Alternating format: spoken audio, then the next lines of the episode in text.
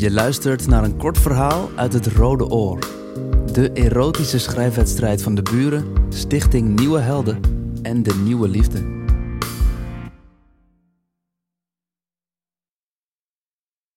Hij is niet de man geworden die ik me had voorgesteld.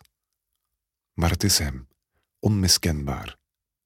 Met zijn handen diep in de zakken van zijn jas gestoken, stapt hij de treindeuren door en beent af op een plaats bij het raam.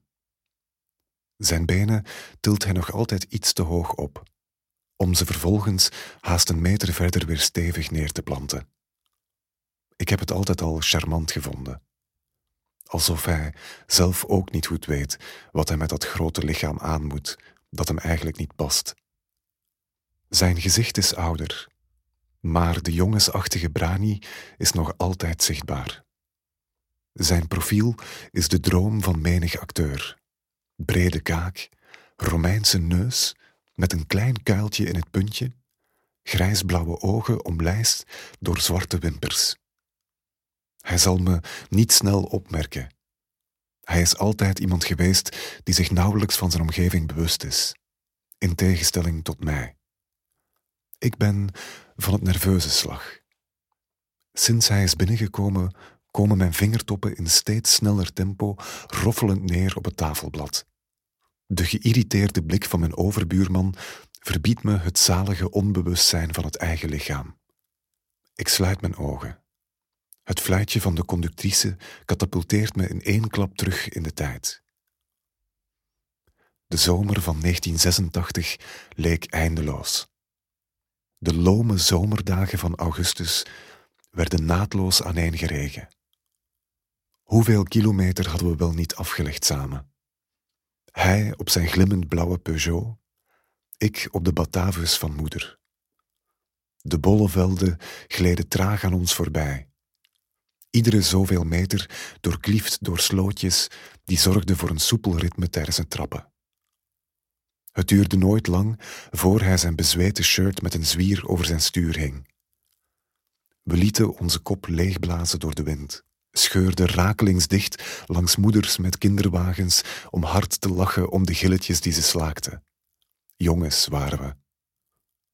Als we na uren trappen uitgeput en hongerig waren, gooiden we onze fiets in het gras neer en ploften ernaast. Vanuit een ooghoek ontwaarde ik de sterrenstelsels in de moedervlekken op zijn rug. Grote beer, Orion, Cassiopeia. Op een dag, waarop ik plots de eigenaar was van een mij onbekende bravoure, tilde ik mijn hand op en traceerde ze voorzichtig met mijn vinger. Diezelfde hand had hem al vaker aangeraakt, natuurlijk, maar alleen zoals jongens van zestien dat doen een plagerige stoot, een ongemakkelijke klap op de schouder. Hij had onverstoorbaar doorgekauwd, alsof dit een natuurlijk verloop was van de orde der dingen. Zijn huid was melkachtig wit, ondanks het vele shirtloze fietsen. Het zweet parelde in zijn okselhaar. De geur ervan werd vermengd met die van de lavendelzeep die zijn moeder altijd maakte. Even moest ik de neiging bedwingen mijn neus in zijn oksel te steken. Hij draaide zich op zijn rug en keek me aan. Zijn linkerwenkbrauw was iets opgetrokken. Om zijn mondhoek speelde een klein glimlachje. Ogen als klokwerk. Ik kon nooit precies ontwaren hoe de raderen in elkaar klikten.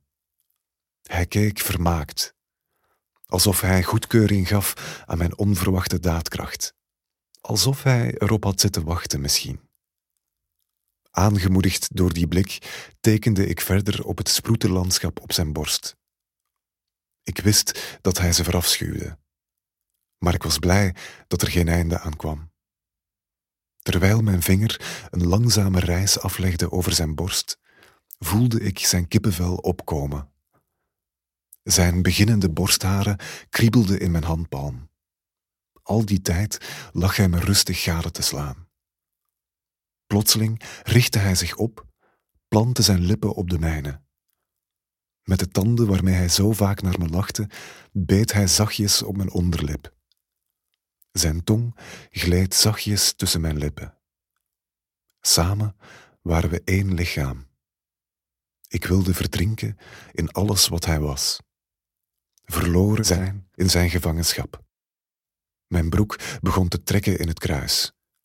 Ik schrok ervan en sprong op.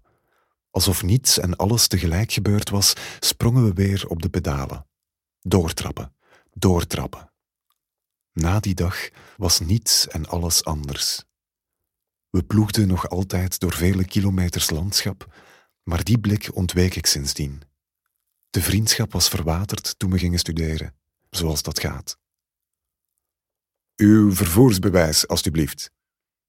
De conductrice tikt op mijn schouder. In een flits zit ik weer gewoon in de trein. In de weerspiegeling van het raam zie ik die blik weer. De kraaienpootjes maken zijn oogopslag nog bedachtzamer. Slechts één vierzits is hij bij me vandaan. De ontmoeting is onvermijdelijk. Het is een kwestie van tijd voor een van ons opstaat om uit te stappen en de ander passeert.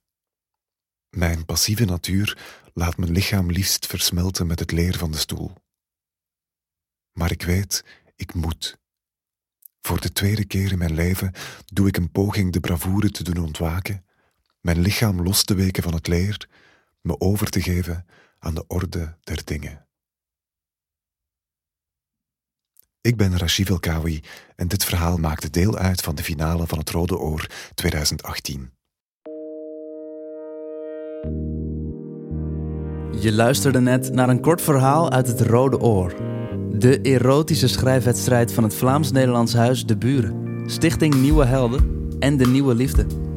Op deburen.eu slash het Rode Oor vind je meer informatie over het project, over de wedstrijd en kan je alle erotische verhalen van het Rode Oor lezen en luisteren. Het Rode Oor is onderdeel van het project Yes Please, een initiatief van Stichting Nieuwe Helden.